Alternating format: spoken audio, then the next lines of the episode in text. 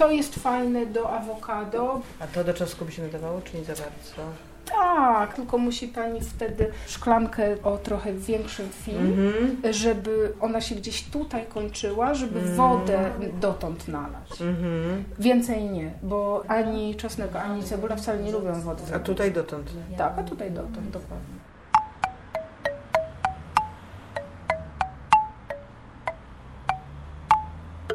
Benz Radio prezentuje. Nazywam się Alicja Patanowska. Jestem garncarką z zawodu i projektantką porcelany. Bardzo mi się podoba to, że piszesz o sobie, że jesteś garncarką. Brzmi to trochę tak starożytnie. Być może nie wszyscy nawet wiedzą, co to właściwie ma znaczyć. Czy możesz jakoś opisać ten swój zawód, to zajęcie? To jest jedna z najstarszych e, technik wykonywania ceramiki.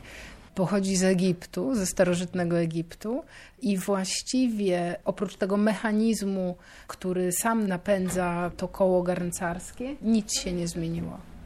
Dlatego to jest totalnie ponadczasowe narzędzie i wykorzystuje ruch obrotowy koła, który razem z, z techniką, którą można opanować, wykonuje się formy oparte na, na kole.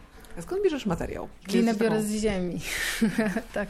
Tradycja jest taka, że glinę wykopuje się ze złoża, czyli szuka się tego złoża, nie w internecie, tylko rozglądając się najpierw tam, gdzie są kałuże, bo tam, gdzie są kałuże, tam jest glina, czyli taki rodzaj ziemi, który jest bardzo zbity, nie ma w nim piasku i zatrzymuje tą wodę.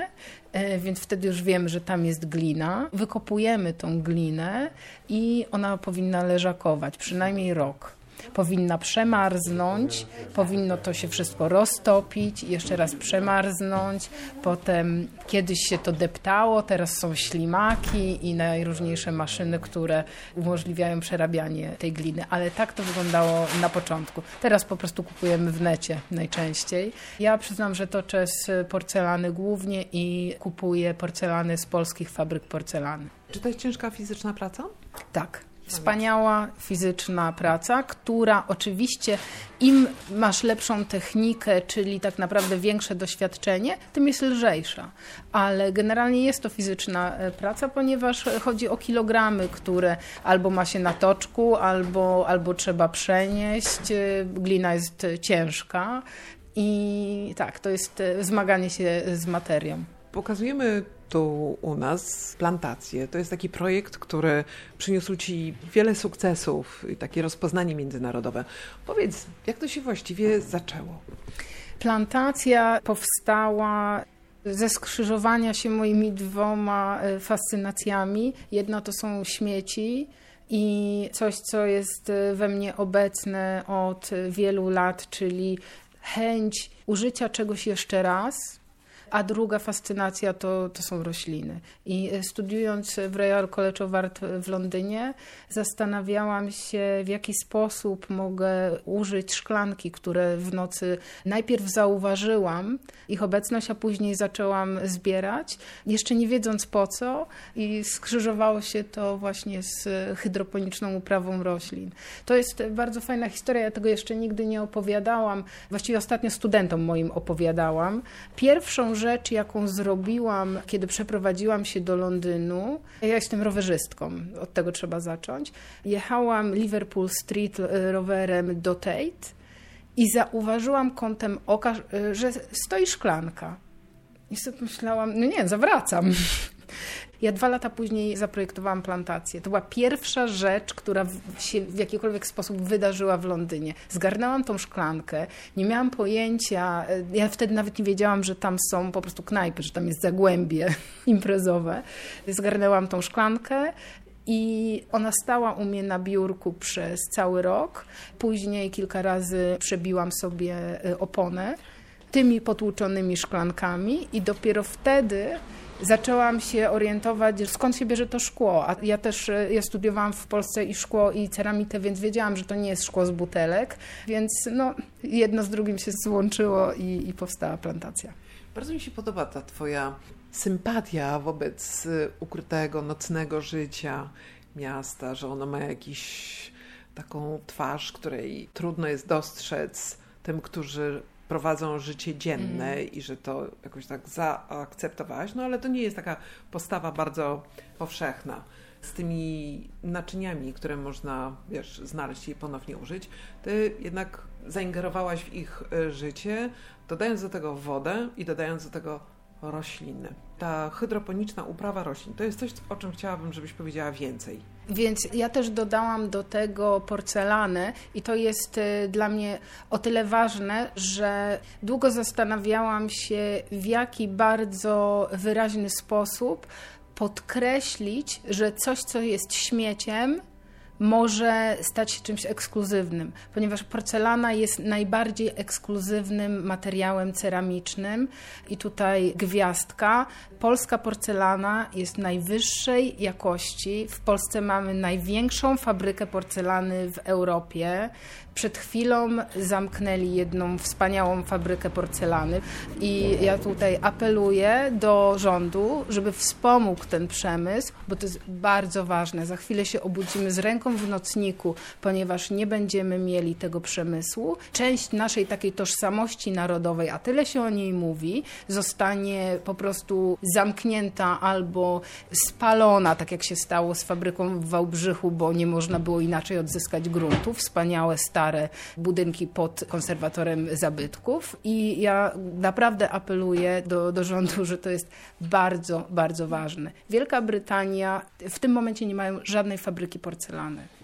Teraz mamy koronawirusa, wiemy jak to jest sprowadzać najróżniejsze rzeczy z zagranicy. Może być tak, że nie będziemy mogli a będziemy mieli swój przemysł. Właśnie. Z powodu tej epidemii ujawniają się takie wątki, które do tej pory w ogóle nie były dyskutowane. I to taka samowystarczalność, jeśli chodzi o produkcję i dostarczanie najważniejszych jakichś i surowców, i produktów staje się znowu tematem do rozmowy. Zdecydowanie. I wiadomo, porcelana nie jest makaronem, ani papierem toaletowym, ani maseczką, czy innym podstawowym przedmiotem, który musimy mieć w momencie zagrożenia, ale jest to część naszej tożsamości narodowej powinniśmy być dumni i powinniśmy jak najwięcej wiedzieć o tym, co mamy. Wiele z tych, na przykład figurki porcelanowe z Ćmielowa są idealnym przykładem. W momencie, kiedy skończył się PRL i wszyscy mieli na niego bana, to tych figurek nikt nie chciał. Nikt się tym nie interesował. Wyszły one w taki bądź inny sposób z fabryki, która była ich właścicielem ale w momencie, kiedy fabryka no, otworzyła oczy, to już było w innych rękach. A naprawdę mamy się czym chwalić. To jest wiadomo, jak wygląda przemysł. Najlepsze europejskie firmy produkują w polskich fabrykach porcelany. Naprawdę im więcej będziemy wiedzieli, bo to jest taka wiedza u podstaw, im więcej w szkole powiedzą właśnie o tym, tym my będziemy mieli większą świadomość, tym możemy mieć wpływ na to, czy te fabryki będą obecne, czy nie będą. No ja mam takie marzenie, że po pierwsze, że, że państwo wspomoże ten przemysł, a po drugie, że one będą razem działały. W Polsce są już tylko cztery fabryki porcelany. I wydaje mi się, że nie do końca wiedzą, że grają do tej samej bramki. Ale lokalność, to bogactwo lokalności też jest obecne w Twoim projekcie poprzez rośliny, które można uprawiać używając plantacji. Bo są to rośliny jadalne, rośliny także takie ozdobne, niejadalne, ale te jadalne wydają się być najbardziej pociągające, bo proces ich wzrastania widać.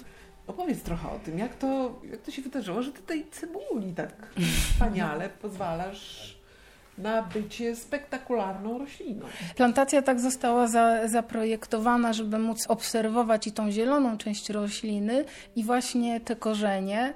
Szczególnie dla dzieci to jest interesujące, bo po pierwsze to bardzo szybko rośnie, a dzieci są niecierpliwe, a po drugie te korzenie są fenomenalne i naprawdę piękne. I to znowu jest taki twist, tak samo jak mówiłam o tej szklance śmieciu i, i porcelanie, która no nobilituje ten przedmiot i w ogóle zmienia jego położenie i zastosowanie, no to tutaj znowu patrzymy teraz na formę przezroczystej, smukłej szklanki razem z białą porcelaną. Przez dziurki widać białe korzenie, które właściwie wyglądają trochę jak wstążki, trochę jak makarony jakieś, nie wiadomo co. W każdym razie tworzą taki pukiel włosów, pukiel jakiegoś świata totalnie magicznego, a zielona część rośliny to są takie mięsiste jakieś formy wystrzeliwujące w górę, a to jest zwykły czosnek. Ten ziemniak jest, ziemniak jest przeuroczy. Nagle się okazuje, że te części roślin, które są zupełnie zakryte przed naszym wzrokiem, że mają takie porywające formy. Super, że mówisz o ziemniaku, bo ziemniak do Polski trafił jako y, roślina ozdobna. I dzisiaj już nikt go tak nie traktuje, a warto, warto się nad tym zastanowić. Ziemniak, słuchajcie, jest piękną rośliną, ma piękne, mięsiste liście, ma białe, małe kwiatki i wygląda naprawdę super. A korzonki ziemniaka są bardzo cieniutkie, one są takie między zielonkawo-przezroczysto-białym, ale są takie cieniusieńkie i naprawdę, ja to sprawdziłam, w zależności do jakiej szklanki się, się włoży taką właśnie plantację razem z ziemniakiem, tych korzeni jest tyle, że przyjmują formę tej szklanki. Ja miałam kiedyś ziemniaka w takim wielkim kieliszku do brandy, czy do tego brązowego jakiegoś alkoholu mocnego i po wyjęciu no, był taki aż kokon okrągły tego, tych korzeni ziemniaka. To fantastycznie wygląda i długo się utrzymuje w domu. Więc są, są takie rośliny jak właśnie ziemniak, awokado, mango, które naprawdę można tak do roku spokojnie w plantacji hodować, a potem sobie do ziemi spokojnie. Trzeba przeżyć ten szok dwutygodniowy, bo roślinka się musi przyzwyczaić, tam to, ta zmiana jednak z wody na, na ziemię, ale potem znowu rośnie, a w plantacji można sobie ukorzeniać i hodować nowe, nowe roślinki. Powiedz, jak bo ty obserwujesz te rośliny i które z nich najwdzięczniej reagują na tę formę uprawy? Muszę powiedzieć, że te kuchenne, powiedzmy, rośliny, im jest naprawdę dobrze. One, mam wrażenie, że one są super zadowolone. Nie dość to, że rosną w tej hydroponicznej uprawie, to jeszcze z tego, że kiedy ta już zielona część, ten szczypior, nie tylko z cebuli, ale też szczypior z czosnku, który jest przepyszny, kiedy się obetnie, to wyrośnie taki sam długi szczypior do trzech razy. Więc to nie jest tak, że się raz obetnie i trzeba to wyrzucić, tylko roślinka rośnie dalej. I tutaj widzimy już taki długi szczypior w cebuli, który już się nawet jest tak długi, że się załamuje i one na dół tak trochę te, te szczypiorki spadają i to jest drugi raz. To nie jest wcale pierwszy raz, więc on, im jest na pewno dobrze, a nam też, no bo jajecznica ze szczypiorkiem ja nie pogardzę. Słuchaj, wiele osób pyta nas o to, czy tutaj są potrzebne jakieś specjalne odmiany Dopalacze. warzyw, czy ta Aha, woda ma być tylko czysta, tak. czy właśnie z jakimś wzmocnieniem. Mm. Y, więc tak, ja nie używam zupełnie niczego. Wprawdzie piszę w ulotce, że można użyć y, ukorzeniacza, jeżeli komuś zależy na, na tym, żeby szybko roślinkę ukorzenić, a potem, potem ją posadzić do ziemi, ale ja nawet nie używam tego. Używam tylko wody i jeżeli chodzi o, o rośliny, to różne rośliny mają różne patenty, bo na przykład cebula i czosnek wcale nie lubią dużo wody. Należy wlać tyle wody, żeby prawie dotykała roślinka. To jest fenomenalne. One jakoś czują. Jak tej wody jest mniej, to e, te korzonki szybciej rosną. To jest naprawdę takie śmieszne i takie fajne. I wtedy bardzo mocno widać, jak one żyją to się z dnia na dzień zmienia. Mamy tutaj czosnek, który tego zielonego ma tak na moje oko między 12 a 15 centymetrów, te najdłuższe, i ja naprawdę wsadziłam go 5 dni temu. I co mogę powiedzieć z takich, z takich właśnie know-how, bo, bo ja naprawdę to cały czas hoduję, to mogę powiedzieć tak, że warzywa, które do nas przyjeżdżają są najczęściej pryskane. Jest taki oprysk, który powoduje, że one nie kiełkują bo w sklepach spożywczych nie chcą mieć tych kiełków, bo rzeczywiście tak jest, że jeżeli wychodzi ta zielona część, to część tych y, soków, tych składników, które są w tej bulwie, jakby zostaje spożytkowana do tej zielonej części. I wtedy ten czosnek na przykład nie jest taki, taki dobry, powiedzmy. I należy wybierać właśnie w spożywczakach te, które się uratowały od tego, tego oprysku. A teraz to bardzo dobrze widać, bo one po prostu mają takie małe, zielone, jakby trochę chciały. I najczęściej jest tak, że tych nie wybieramy, a właśnie należy je wybierać, bo one są nie dość to, że najzdrowsze, to na 100% to wykiełkują. Tak jest z cebulą, tak jest z czosnkiem, z awokado, które jest bardzo popularne do hodowli, bo jest przepiękne. Jest tak, że niestety awokada są zrywane zanim dojrzeją i część z nich naprawdę się nie da. Nie da się, on, tam nic z nich niestety nie będzie, więc jeżeli możecie kupować jakieś bio-awokada, to ja bardzo polecam, bo, bo jest dużo większa szansa. I one znowu uwielbiają wodę, więc są połowę pestki, po prostu one muszą się w tej wodzie tam, tam niemalże topić, a potem już nie. Potem jak już korzeń jest coraz większy, to tej wody też można coraz mniej dawać. I ja również nie używam żadnych, nawet biohomusu nie używam, więc to jest tylko to. Plantacja to bardzo duża część Twojego życia, też zawodowego, bo rzeczywiście projekt odbył się szerokim echem, jest obecny w sprzedaży w różnych miejscach Europy, ale rozumiem, że to nie jest jedyna rzecz, nad którą pracujesz i która jakoś zajmuje Ciebie. Co oprócz plantacji masz w swoim warsztacie? W moim warsztacie mam przede wszystkim proces, i to jest to, co mnie najbardziej interesuje.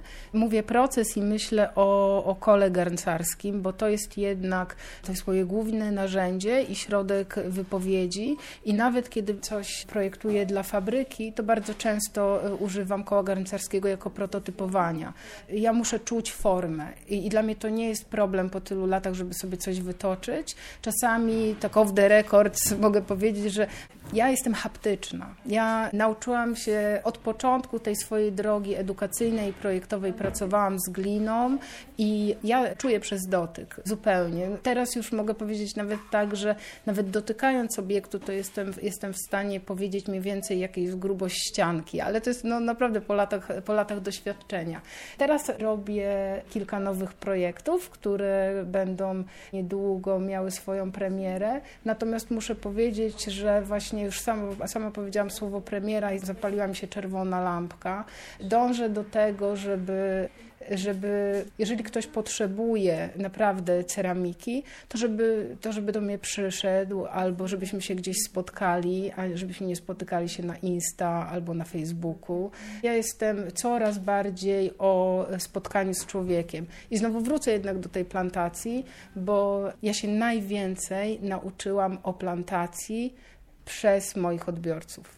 Ja miłość taką po prostu do kości, do tych roślin, zdobyłam przez wiarygodność moich odbiorców, którzy przychodzili, z którymi rozmawialiśmy, którzy mieli zajawkę jakąś po prostu kosmiczną na to i z rozmowy na rozmowę mnie przekonywali do mnie samej, do swojego projektu czasami, ale też do, uczyli mnie w tej ulotce, która jest w pudełku do plantacji, to są właściwie oprócz dwóch przykładów, to, to są wszystko historie ludzi, którzy mi powiedzieli, że, że batat jest jest wspaniały do hydroponicznej uprawy, albo właśnie, że spring garlic, czyli czosnek, że to w ogóle można jeść. Ja myślałam, że to ładnie wygląda. Mówię, no czosnek będę jeść? No nie wiem, może nie. I, I, to jest właśnie w mojej pracowni. I do tego bardzo dążę, żeby to było w mojej pracowni. Mniej gadania o projekcie, więcej dotykania projektu i przede wszystkim kontaktu z ludźmi. I jeszcze też muszę powiedzieć, że jestem fanką barteru. I jest tak, że okej, okay, ja wiem, że, że te moje produkty nie są tanie, ale to są też lata mojej pracy. To nie jest tak, że prawda jest taka, że ja robię taki kubek w pół minuty. Potem oczywiście go muszę obrobić, to trwa y, wiadomo godzinę i tak dalej, trzy godziny, ale te pół minuty to jest 11 lat mojego doświadczenia i najczęściej jakiegoś fejku, który musiałam wyrzucić, powtórzyć, wyrzucić i powtórzyć. I, i, i bardzo, bardzo jestem, bardzo jestem dużą zwolenniczką barteru i tak, ja się cenię, ale cenię też ogromnie tą wymianę i, i ten moment spotkania i, i w ogóle się tego nie boję, bo ja to doświadczyłam. I to jest w ogóle ciekawe. Moje środowisko polskie jest na barter bardziej otwarte niż moje środowisko londyńskie. Jestem z tego super zadowolona. W moim przypadku akurat tak jest, że, że, że są to y, głównie kobiety i to jest fenomenalne. I, i też uważam, że... Bardzo proszę. To jest y, awokado. Każda peska z awokado tak puszcza? Każda nie. Są patenty, bo tutaj chodzi o metody przechowywania tych y, awokado. Ja cię już uwolnię, wiesz, bo tutaj chyba wydaje mi się, że...